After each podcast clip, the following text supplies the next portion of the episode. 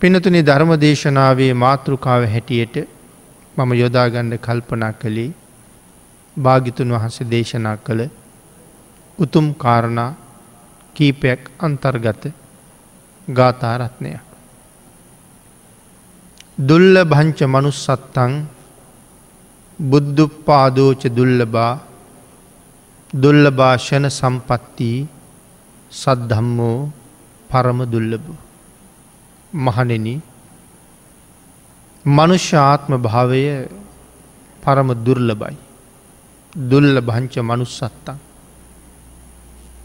අපේ බුදුරජාණන් වහන්සේ ඒ කරුණු එහෙම දැක්වේ මේ ලෝකය පිළිබඳව යථාර්ථය හරියටම අවබෝධ කරගෙන. මිනිස්සු ජීවත්වෙන්නේ ලෝකෙ බොහොම සුළු ප්‍රමාණයයි. ඒ කාරණාවෙන්ම අපිට ඒක හොඳට තහවුරු වෙනවා. ගොඩබිම ඉන්න සත්වයන්ට වඩා සාගරයේ ඉන්න සත්තු බොහොම වැඩි. ගොඩබිම ඉන්න සත්වයන් අතරත් තිරිසං සත්තු බොහොම වැඩි. මිනිස්සු ඉන්නේ බොහොම සුළු ප්‍රමාණයයි.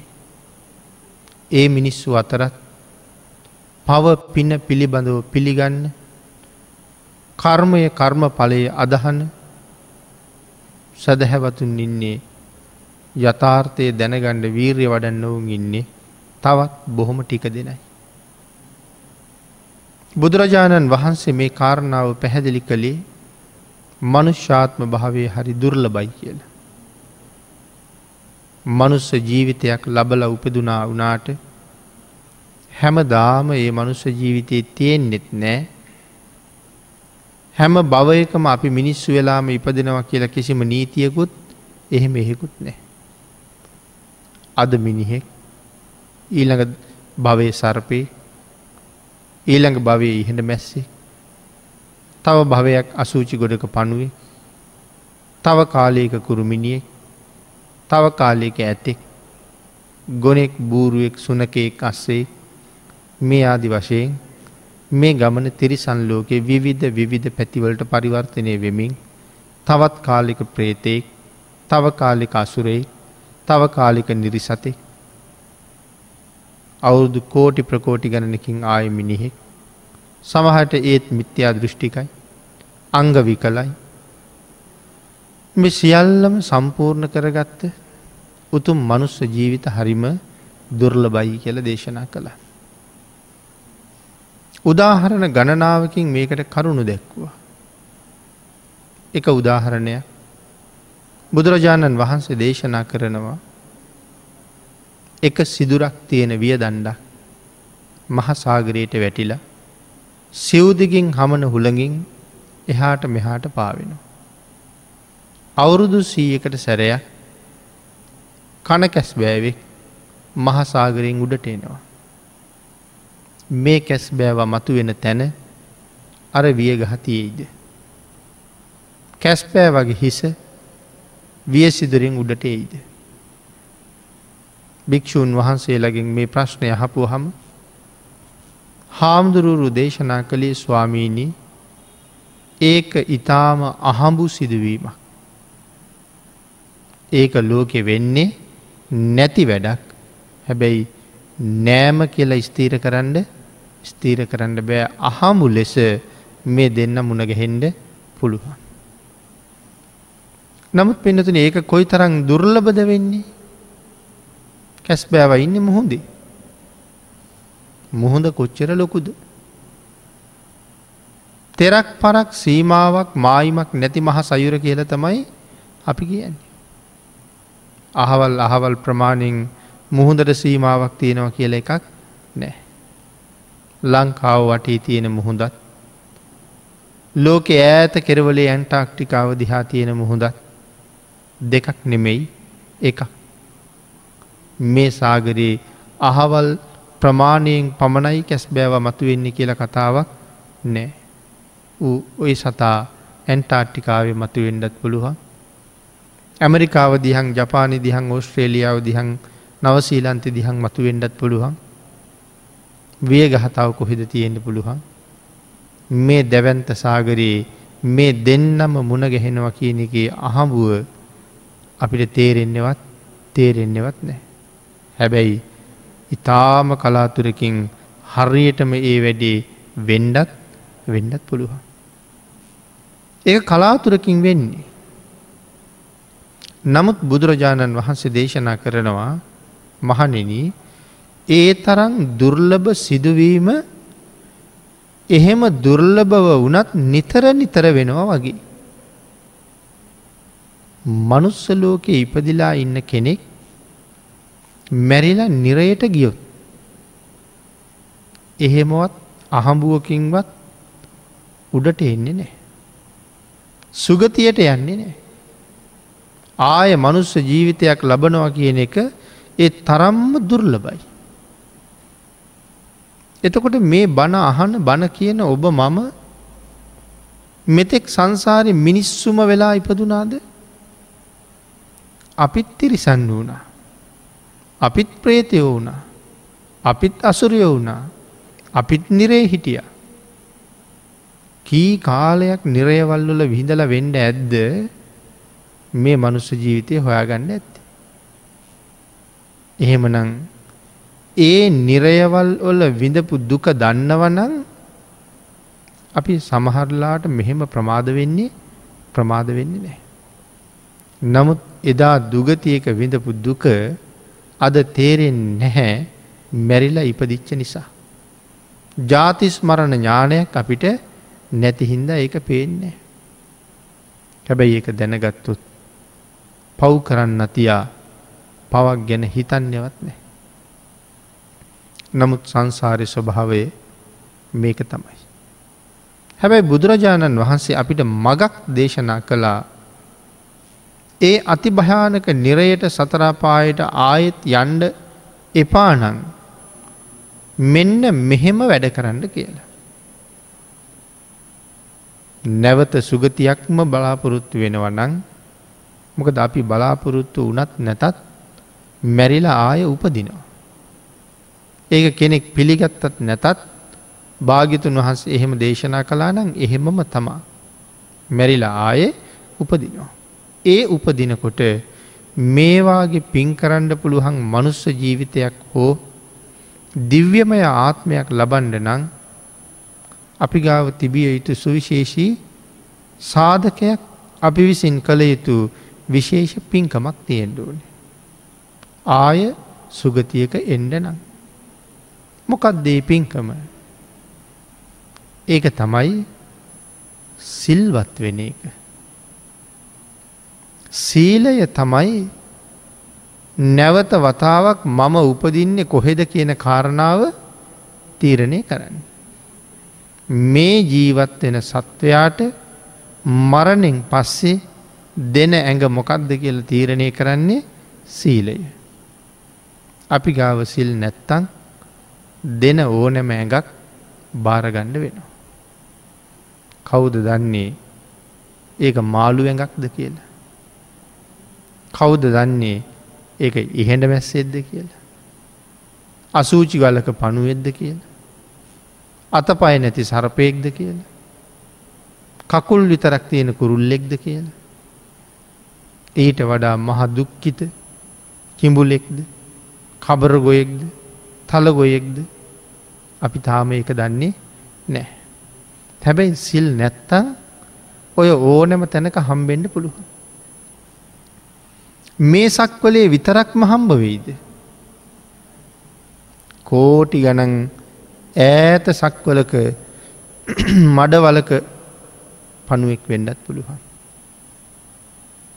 අපි මෙහෙ මැරිලා මේ සක්වලේම උපදිනවා කියල තීරණයක් නැතින් ඒ තරන් කෝටි ගණන් සක්වලවල් එහා පැත්තේ ඉපදිලා එතකොට මේ මෙහෙ ඉඳල දෙන පින් ලැබෙයිද. ලැබෙන ක්‍රමයක් තියෙනවා. ඒකයි දේශනා කළේ ඒ නරකාදියට වැටෙන්ඩ වැඩ කරන්න වැඩ කරන්න එපා කියලා. මනසිං බොහොම උසස් වෙච්ච නිසා අපි කරන වැඩ උසස් වැඩම වෙන්ඩෝනේ.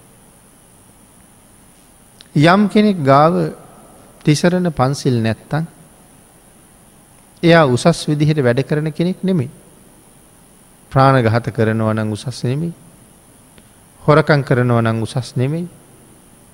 වැරදි කාමසේවනය යෙදෙනවනං ඒක උසස් බවක් නෑ. බොරු කියනවනං රාරක්කු බොනුවනං ඒ අය උසස් අය නෙමෙයි. අපේ බුදුරජාණන් වහන්සේ වසලය කියල දේශනා කළේ මේ වසල ගුණ තියෙන අයට.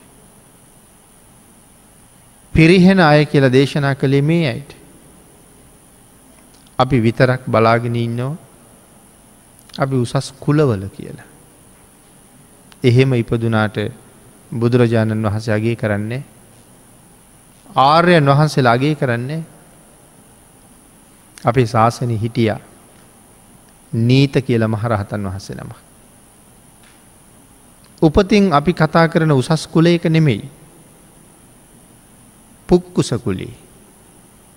මොකදද මේ පුක්කුස කුලය කියල කියන්නේ. ඉස්සර පිරිසක් ඉඳල තියෙනවා මල්ලාසනවල පරමල් අයින් කරන අය. අනික් අය පූජ කරල යනවා පරමල් අයින් කරනෝ මේ කට්ටිය. ආං ඒ පරමල් අයින් කරන අයට තමයි මේ පුක්කුස කුලය කියල කියන්න. එතකොට නීතයන් වහන්සේ ඉපදුනේ පුක්කුස කුලේ. සංසාරි බොහෝ පින් කරලා. පැවිදි වෙන්ඩ හිතුණා. මොන තරං පින් තිබුණද කෙස් බාන අතරි රහත්වෙනවා. දැන් රහතන් වහන්සේ. ලොවතුරා බුදුරජාණන් වහන්සේ ලෝක සත්වයා සතරපායෙන් මුදවන්ඩ කරපු අප්‍රමාණ පරිත්‍යයාගයට මම කෘතගුණ සලකණ්ඩුවනේ. බුදුරජාණන් වහන්සේගේ වීර්යට මම සලකණ්ඩුවනේ. අරිය වංස ප්‍රතිපදාවට යන්ඩුවනේ. නීත මහරහතන් වහන්සේ සිවුරක් හොයාගෙන යනවා. පාන්සුකූලයක් හොයනවා. උන්වහන්සේ දැක්කා කහල් ගොඩක රෙදි කැල්ලක් තියෙනවා. බාණ්ඩ නිහතමානී බව කහල් ගොඩක රෙදි කෑල්ල. උන්වහස රෙදි කෑල්ල ගත්තා. මේ වෙලාවි බ්‍රහ්ම ලෝකෙ ඉන්න මහ බ්‍රහ්මයෙක් සමාධිසුවයෙන් අවදි වුණා. නීතයන් වහස දැක්ක. බ්‍රහ්මයට හරි සතුටුයි උන්වහන්සේ කරන වැඩේ දිහා බලාගෙන සාදු කිය කියා බ්‍රහ්මයා වැඳගෙන ඉන්නවා. නීතයන් වහන්සේ පාන්ස්කූලය අතට ගත්තා. උන්වහන්සේ ඒ අරන් දැන් වඩිනෝ. තව තව බ්‍රහ්මයෝ සමාධීෙන් අවදි වුණා හැමෝම වැඳගෙන. නීතයන් වහන්සේ පාන්ස්කූලය අරංගිහිල්ල වතුරෙ දාලා හෝදනවා. බ්‍රහ්මරාජයෝ හත්සීයක් බඹලෝ ඉඳල වැඳගෙන බලාගෙන.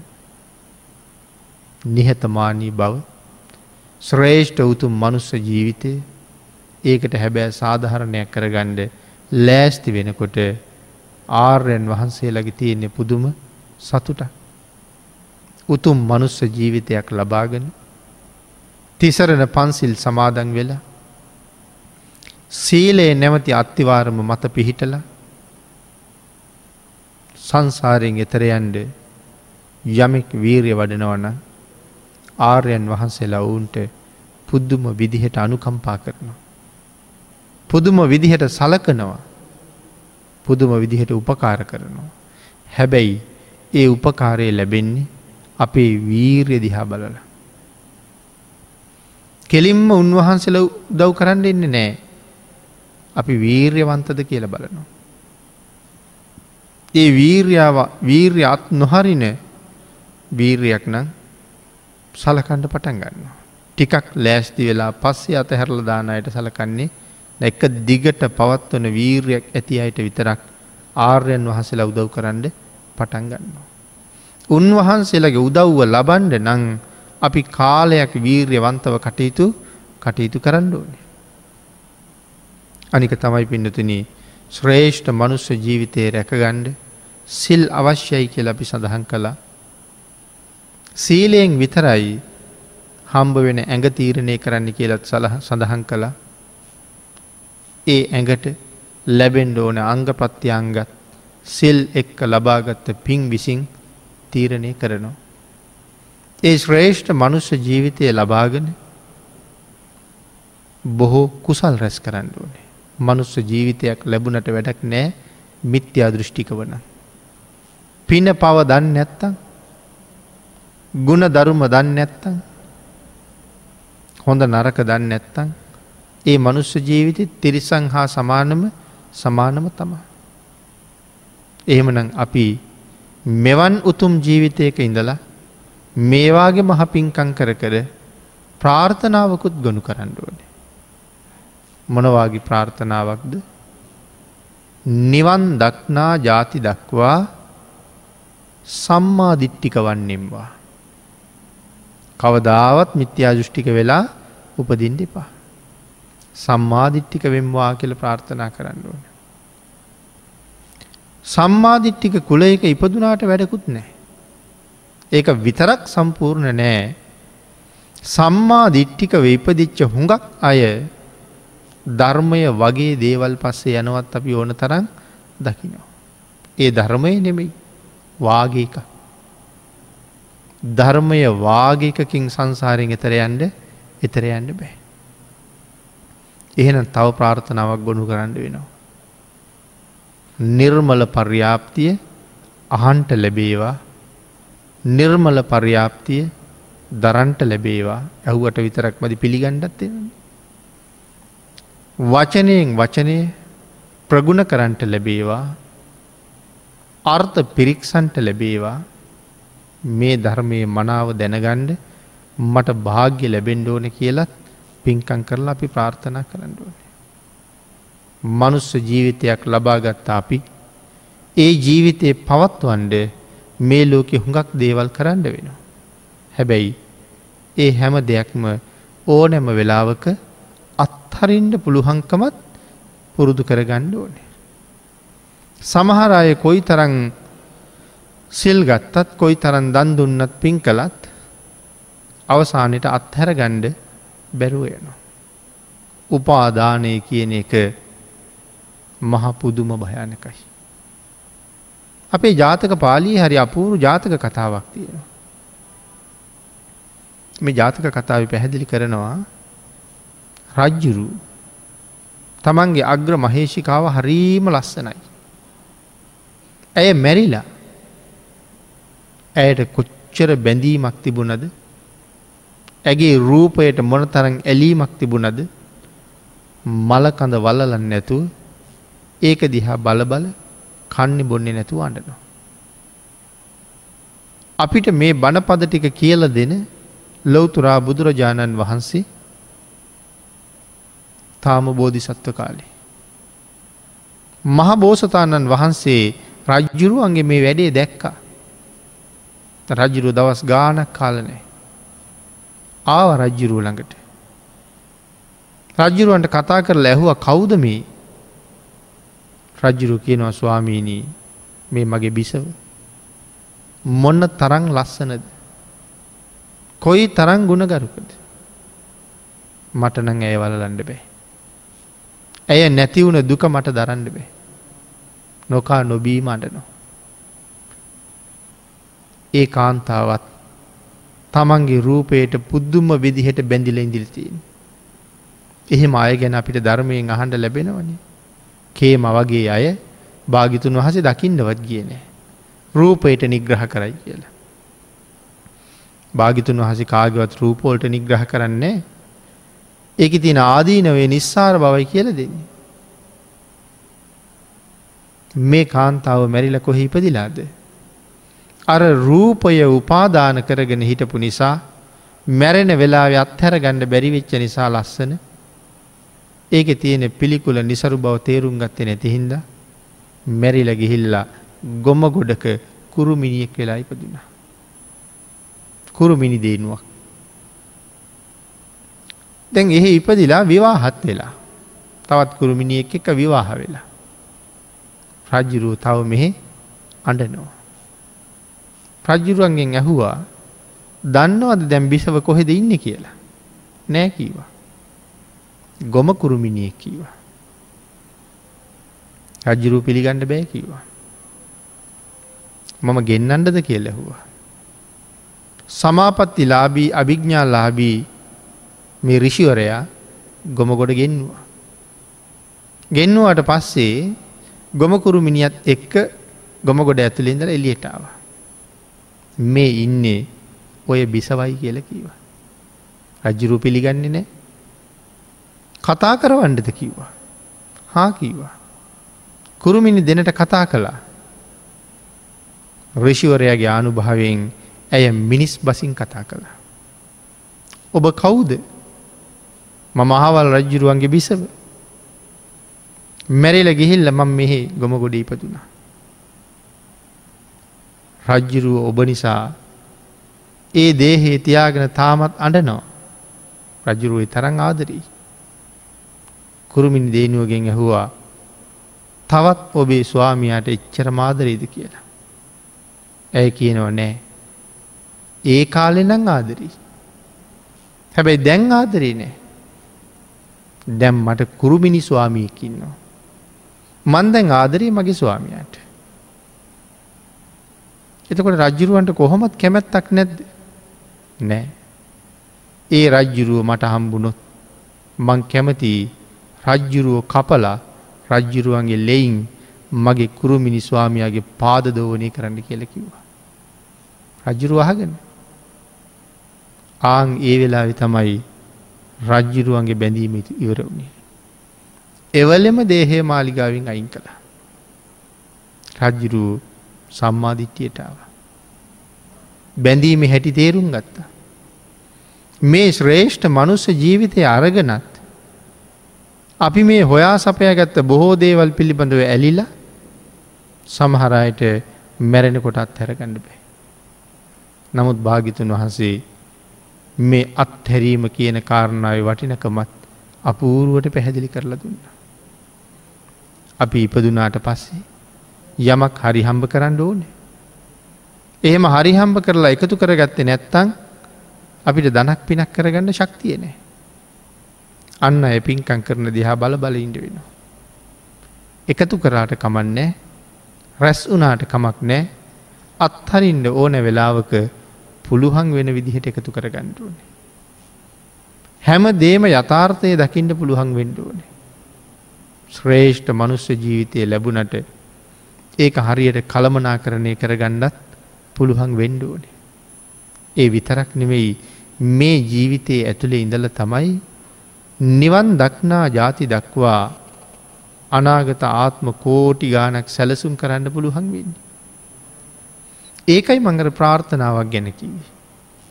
නිවන් දක්නා ජාති දක්වා සාපි පාසාදී දුගතියකට භාජනය වෙන්න එපා. නිවන් දක්නා ජාති දක්වා නෑබෑ කියන වචනයක් අහන්ඩ ලැබෙන්ඩ එපා. ඊළඟාත්ම නිවන් දකිින්ටත් පුළුවන්.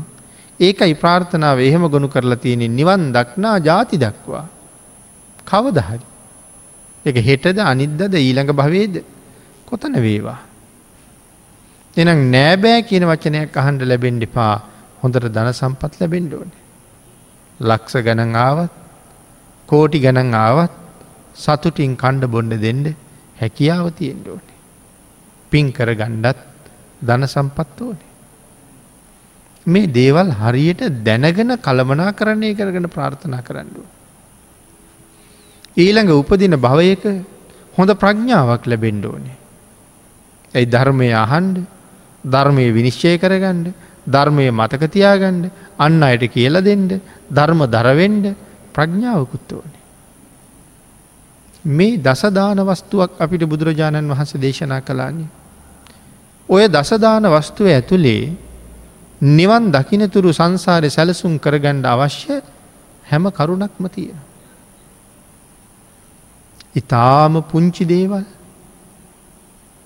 පූජා කරන හැටි කළ යුතු බව බුදුරජාණන් වහන්සේ අපූරුවට පැහැදිලි කළා.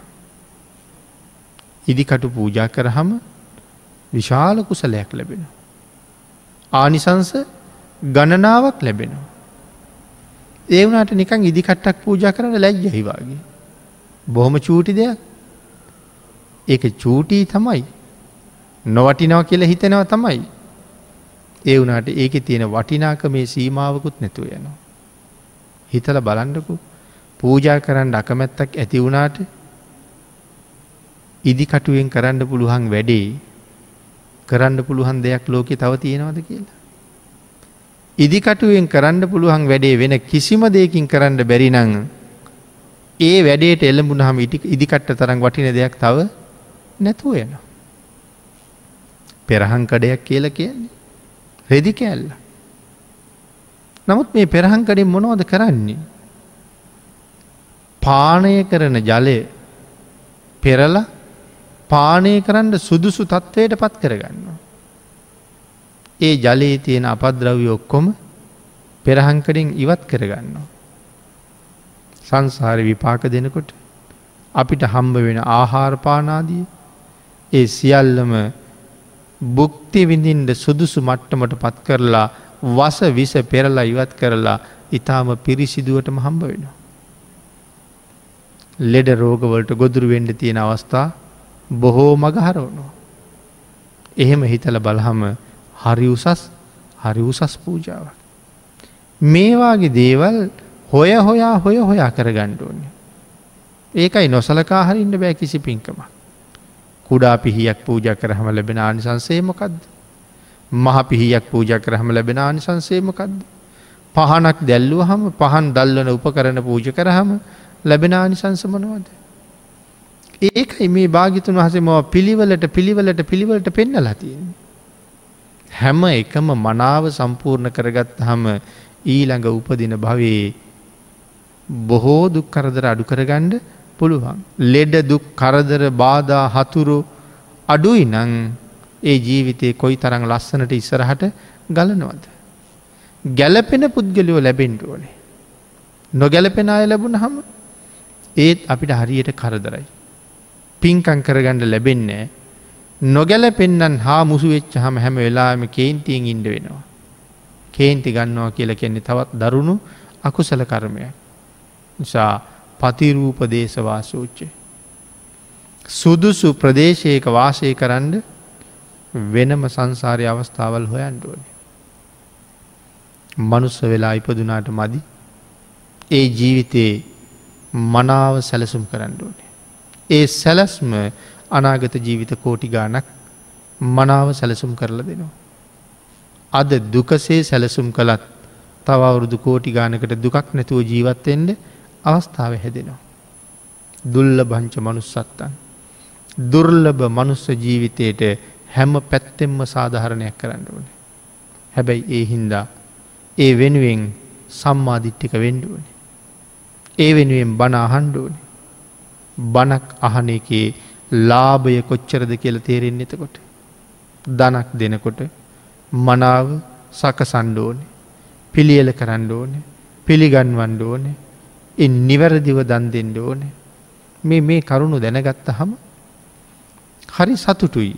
එහෙම නැත්තං සැකසුවේ පිළියල කළේ නැත්තං අපි දානෙදීලා වෙනත් කෙනෙක් ලස්සනට සකසලා පිළියල කරලා දන් දෙනවා දැක්කහම අනේ අපේ දානි. එතකොට දැන් අපේ දාන ගැන හිත හිතා සතුටු වෙන්න පුළුහන්ද බෑ අරයගේ දාන ඊට වඩා බොහොම සැලසුම්. අන්න එතකොට හිත හිතා සතුටු වෙන්න බෑ ආයකක් එක්කො කරන්න වෙනවා. නමුත් මේක ජීවිතයේ කරන්න තියෙන උපරිමයෙන්ම කලාවෙන්න පුළුවන් එච්චර අයනං වියදන් කරන්න බෑවෙන්ඩ පුළුවන් නමුත් හොඳට බණහල නැතිහින්දා හරියට දන් දෙන හැටි දැනගත්තේ නැතිහින්ද එහෙම වෙලා දැම් පශ්චත්තාපයට පත්වෙනවා. මරණ මංචකේවත් ඉඳගෙන දැන් ඒ දාන ගැන සතුටුවෙන්ඩ බෑ. අන්න ඒ නිසා මොන්න වැඩේ කළත් හොඳට දැනගෙන හරියටම කරන්න ඕනේ. එතකොට අරය කරනකොට ඒක දිහා බල්ල මට දුක හිතෙන්නේ නෑ මමත් ඔය විදිහටම හරියටම කරලයි තියෙන්නේ මැරණකම් මට සතුටු වෙන්ඩ පුළුවන්. බුද්ධ පාදෝච දුල්ලබා. බුද්ධෝත් පාද පරම දුර්ලබයි. දුර්ලභ වූ බුද්ධෝත් පාදය අපේ මුළු සංසාරගත ජීවිතයම සුවපත් කරනවා. අදත් මනුෂ්‍ය ජීවිතයක් ලබන්ඩ ඇත්ති. පෙරත් බුද්ධාන්තුර ලබි ඕන තරන් පින් කරන්න ඇති. සිල් රකිින්ඩ ඇති. දන් දෙෙන්ඩ ඇති. ඒ නිසා තාම අඩුපාඩුවක් අතපානෙ නැතු අපි ජීවත්වෙනවා. සිලුත් රැකල දනුත් දීලතියෙනවා. සීලයෙන් උපදින තැන තීරණය කලා දානයෙන් ඉපදුනාට පස්සේ ලැබෙන දී තීරණය කලා. ඔය කොයි දේ කළමනා කරණය කරන්නත් ලොවතුරා බුදුරජාණන් වහන්සේගේ මගට අනුවයි කරන්න පුළුවන් වුණේ. හැබැයි මේ බුද්ධ කියන වචනය අවුරුදු කෝටි ප්‍රකෝටි ගණනකින් නෙමෙයි කල්ප ගණනකින්වත් ලෝකෙ අහන්ඩ නොලැබෙන පරම දුර්ලභ වචනය. බුද්ධ කියල වචනයක් දන්නේ කවුරුව. ඇයි ඒ තරං කලාතුරකින් තමයි බුදුවරු පහළවෙන්. අපි මොන තරං වාසනාවන්තද පෙර කොයි තරං පින්කං කර කර ප්‍රාර්ථනා කරලා ඇද්ද බුද්ධෝත් පාදයක සම්මාධිට්ටිකව මනුස්ස ජීවිතයක් ලබන්ට. එදා ඒ වෙනුවෙන් කරපු පින් අද තේරෙන්නේ නැතිහින්ද අද මේ ජීවිතය ගැන ලොකු වටිනකමක් අපිට තේරෙන්නේ තේරෙන්නේ නෑ. නමුත් ධර්මයෙන් තමයි අහලා දැනගණ්ඩ වෙන්නේ මෙදා මෙහෙම උපදින්ට එදා කොහොම කරන්න ඇද්ද කියලා. එන එදා ප්‍රාර්ථනා කරලා ලැබුණ ජීවිතෙන් අද උපරිම පලක් නෙලන්ඩ මේ බුද්ධාන්තරයෙන් ප්‍රයෝජන ගණ්ඩ මෝනේ. හරි දුර්ල බයි බුද්ධෝත්පාදය. කාල වේලාවට අනුව අපි කෙටියෙන් කරුණු ටික සාකච්ඡා කරමු බුද්ධ පාදෝච දුල්ලබා දුල්ලබා ෂණ සම්පත්තිී. මොනවද මේ ෂණ සම්පත් කියල කියන්නේ ඇස් දෙක කන් දෙක නහය කට මේ නිරෝගී ඇඟ මේ අතපය මේවට තමයි ෂණ සම්පත් කියල කිවි. මනුස්ස ජීවිතයක් ලැබුණට වැඩක් නෑ ඇස් දෙක පේෙන් නැත්තං. ලොකු ප්‍රයෝජනයක් ගණ්ඩ ගණ්ඩ බෑ. කතා කරන්න බැරිනම් ලොකු ප්‍රයෝජනයක් ගණ්ඩ බෑ. කං ඇහෙන්නේ නැත්තං ඇවිද ගණ්ඩ බැරිනම් ඇඟම ලෙඩක් නම් ලොකු ප්‍රයෝජනයක් ගණ්ඩ ගණ්ඩ බෑ. නමුත් පින්නතුනේ පින් කරලා තමයි මේ ෂණ සම්පත් හම්බ වෙලා තියෙන්නේ. මතක තියාගණ්ඩ ඕන මේ හැම සම්පත්තියක්ම මෙවා සම්පත් තමයි හැබැයි දෙපැත්ත කැපෙන ආයුධවාගේ. ඇස් දෙක නිසා අපාය යන්නත් පුළුවන් ඇස් දෙක නිසා සුගතියේ යන්නත් පුළුවන්. කටහින්ද අපාය යන්නත් පුළුවන් කට පාවිච්චි කරල සුගතිය යන්නත් පුළුවන්. පින් කරලනං හම්බවුනේ ඒකෙන් පව් කරන එකේ තේරුමක් නෑ. බොරු කියන්න කේලං කියන්න පරුස වචන කියන්න හිස් වචන කියන්න නෙමෙයි කට හම්බුණේ. පින් වියදන් කරලනේ හොයාගත්ත මේක. එහෙම නං බොරුවක් කියන්න යන හැම මොහොතකම මතක් වෙන්ඩෝ නෑ මේ කට වෙනුවෙන් සංසාරි කරපු පින් විශාල වසයෙන් වියදැන් කරලා තියෙනවා බොරු කියන්න නෙමේ වියදැන් කරලා ගත්ති. කේලං කියන්න නෙමේ වියදැන් කරලා ගත්ති. සම්ප ප්‍රලාප දොඩවන්ඩ නෙමෙයි වියදැන් කරලා අරගත්ති. අනුන්ට යහපතක් වෙන දෙයක් කියන්ට. අනුන්ට යහපතක් කරන්න. බුද්ධාදී මහෝත්තමයන් වහන්සේලාගේ ගුණ ගයන්ඩ ශ්‍රී සද්ධර්මය දේශනා කරන්නට. කල්්‍යාන මිත්‍රයෙක් වෙලා අවවාද කරන්න මේ කට හම්බුණි. නමුත් ඒක තේරුම් නොගත්ත හුඟක් දෙනා කට නිසාම නිරයට පාර හදාගන්නවා. බුදුරජාණන් වහන්සේ දේශනා කළේ මෝඩයාගේ කටේ කෙටේරියක් තියෙනවා කියලා. මොකදද මේ කෙටේරිය බාලෝ දුබ්බාසිතං බනං බාලයාගේ දුර්භාග්‍ය වචනය බොරුව කේලම හිස් වචනය පරුස වචනය හරියට කෙටේරියක් වගේ. කෙටේරිය කියලා කියන්නේ දරුණු තිවුණු ආයුධයක් කෙනෙකුට පහර දුන්නොත් අතිශය වේදනාකාරී. නමුත් මේ වචනවලිනුත් බොරුවක් කියන මොහොතක් මොහොතක් පාසා තමන් තමන්ට කොටා ගත්ත වගේ. වේදනාව දැන් දැනෙන්නේ හැබැයි බොරු වේදනාව දැනෙන දවසක් දැනෙන දවසක් එනවා. මේ අතපය හම්බවුනේ කාටවත් ගහන්ඩ නෙමේ බෙල්ල විරිකණ්ඩ නෙමේ හොරකං කරන්න නෙමේ හොර වැඩ කරන්න නෙමේ කැත්තක් හදහම බෙල්ල කපන්ඩත් පුළුවන් හේන කොටන්ඩත් පුළුවන්. හැබැයි කැත්ත හැදුවේ බෙල්ල කපන්ඩ නෙමෙයි. තමන්ගේ දිනෙද වැඩ කරගන්නඩ. මේ අත් දෙකින් කාගේ හැරි බෙල්ල මිරිකණ්ඩත් පුළුවන්. හැබැයි මට මේක හම්බුනේ අපාය දොරාරින්ට නෙමෙයි සුගතිය දොරාරින්ට. එහින්ද මේ සම්පත් දැනගෙන පරිහරණය කරන්න ඕන. ඒ සම්පත් පරිහරණය කරන්නත් මනා ප්‍රඥාවක් තියෙන්ට ඕනේ. ඒ ප්‍රඥාව නැති තැන මේ සම්පත මම නිරේට අරන් යනවා. කනත් එහෙමයි ඇහැත් එහෙමයි. බුදුරජාණන් වහස දේශනා කළේ මේ පංච ඉන්ද්‍රියන් පාලනය කරන්න කියලා. ඇහැ පාලනය කරන්න දිව පාලනය කරන්න. ඇහෙන් කරන්නේ රූප බලන එක. හැබැයි අනවශ්‍ය රූප බලන්ඩ පාකිවා. අපිට මේ ලෝක ඇවිදිනකොට නොයෙක් දේවල් පේනවා.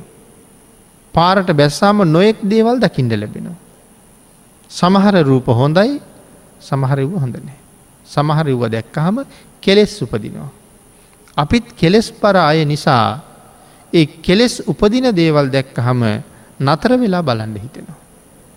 ආයාය බලන්ඩ හිතෙනවා. හැබැයි භාගිතුන් වහස දේශනා කළේ උපන් අකුසල් යටපත් කරන්න. නූපන් අකුසල් නූපදවන්ඩ. දැන් අරවාගේ දෙයක් රූපයක් දැකලා කෙලෙස් උපදින රූපයක් දැකලා තවම ඒවාගේ සිද්ධියකින් මට කෙලෙස් ඉපදිලා නැහැ. නමුත් දැන් හැරි හැරි ඒක දිහා බලල ඉස්සේ ඉස්සේ ඒක දිහා බලල දමනවාද මේ රැස් කරන්නේ මෙතෙක් රැස් වෙලා නැති අලුත් කෙලෙස් රැස් කරනවා. භාගිතුන් වහස දේශනා කළේ එහෙම දෙයක් දැක්කොත් බලන්ඩ එපා කියලා. කෙලෙස් වලින් පුරවගණ්ඩ එපා කියලා. එහෙම ශබ්ද ඇහුණොත් අහන්ඩ එපා කියලා. කෙලෙස් වැඩෙන තැන්වලට මේ අඩි මාරු කර කර යන්න එපා කියලා. ඒ යන්නේ පව් රැස් කරන්න මිසක් පින් රැස් කරන්න නෙමේ. එක නාට්‍ය සංදර්ශනයක් බලල ඉවර වෙනකොට එක සංගීත සංදර්ශනයක් ළඟඉඳල ඉවර වෙනකොට ගෙදරින් එනකොට ගෙනාවට වඩා මොන තරන් කෙලෙස් මල්ලක් පුරුවගෙන දෙයන්න. එතකොට අපි නිවන දිහාට ලංවෙලාද නිවන දිහැන් ඈත් වෙලාද. මේ ගමන නිවනට ලංගෙන්ඩ මිසක් නිවනෙන් ඇත්තෙන්ට ඇත්තෙන්ට නෙමේ. ආගේ නිසා මේ පින් කරලා හම්බෙච්ච හැම සම්පතක්ම මනාව කළමනා කරණය කරන්න වෙන. අවසාන කාරණාව සද්ධම් වූ පරම දුර්ලබූ. බුද්ධ කියන වචනය ඇහෙන් නෑ වගේම දම්ම සංග කියන වචනය ඇහෙන්නෙත් නෑ. යම් කාලෙක බුද්ධ කියන වචනය ඇහෙන්ට පටන් ගත්තොත් සම්මා සම්බුද්ධ කියන වචනය ඇහෙන්ඩ ගත්ත දවසට දම්ම සංග කියන වචන දෙකත් ඇහෙන්ට පටන් ගන්නවා අය පස්සේ. සමහර රජවුරු එක බණපදයක් වෙනුවෙන් ජීවිතය පූජ කළා. අපේ අහල තියෙනවා දහම් සොඳ ජාතකයෙහි. ඇගේ බරට රත්තරන් දෙන්න වෙනවා එක බණපදයක් ආන්ට. අද අපිට ධර්මය මොන තරං සුලබද. පැය විසි හතරෙම බණහන්ඩ ලැබෙන. ඒ විතරක් නෙවෙයි පොත් සාපුුවකට ගියහම නිර්මල බුද්ධ වචනය ත්‍රිපිටකේ හැටියට අල්මාරි පුරවලා තියෙනවා. එදා එක බණපදයකට ජීවිතය දෙනවා මෙදා අසූ හාරදාහක් ධර්මස්කන්දය එක අල්මාරී කන්තර්ගත කරලා තියෙන. අපි කොයි තරං වාසනාවන්තද. ඒ වුණාට නිකමට අරගෙන පෙරලලා කියවන්ඩ හිතුනේ ඉතාමත් කලාතුරකින් කෙනෙකුට. සමහරාය බෞද්ධ යැයි කියල හිතාගෙන ඉපදිලා මැරිල යනවා ත්‍රිපිටකේ මොන පාටද කියලවත්ද කළන. එහෙම නොවින්ඩුවනේ.